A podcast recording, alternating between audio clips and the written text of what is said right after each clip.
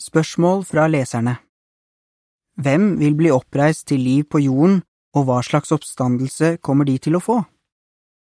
La oss se hva Bibelen sier om dette.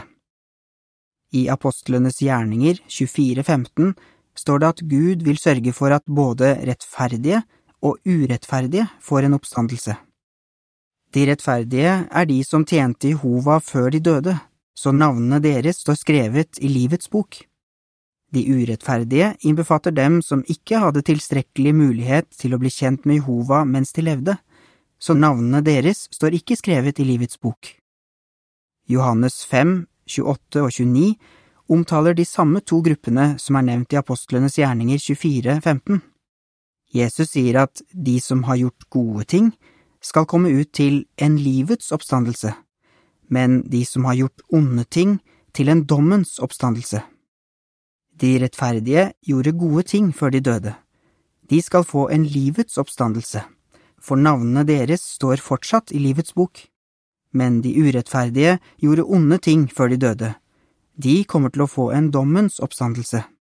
Navnene deres står ikke i livets bok ennå, og de kommer til å gjennomgå en domsperiode, det vil si en periode da de blir bedømt og evaluert. I løpet av denne perioden får de muligheten til å bli kjent med Jehova og til å få navnet sitt skrevet inn i livets bok.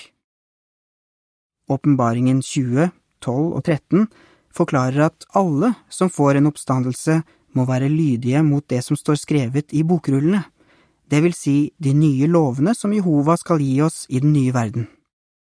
De som ikke er lydige, vil ikke få fortsette å leve.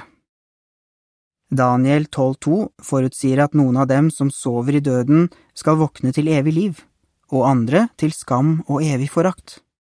Dette verset handler om hvordan det til slutt vil gå med dem som får en oppstandelse.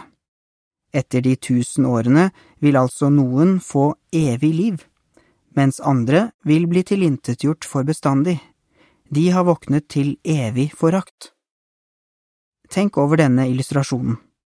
De to gruppene som får en oppstandelse, er som noen som ønsker å bo i et annet land.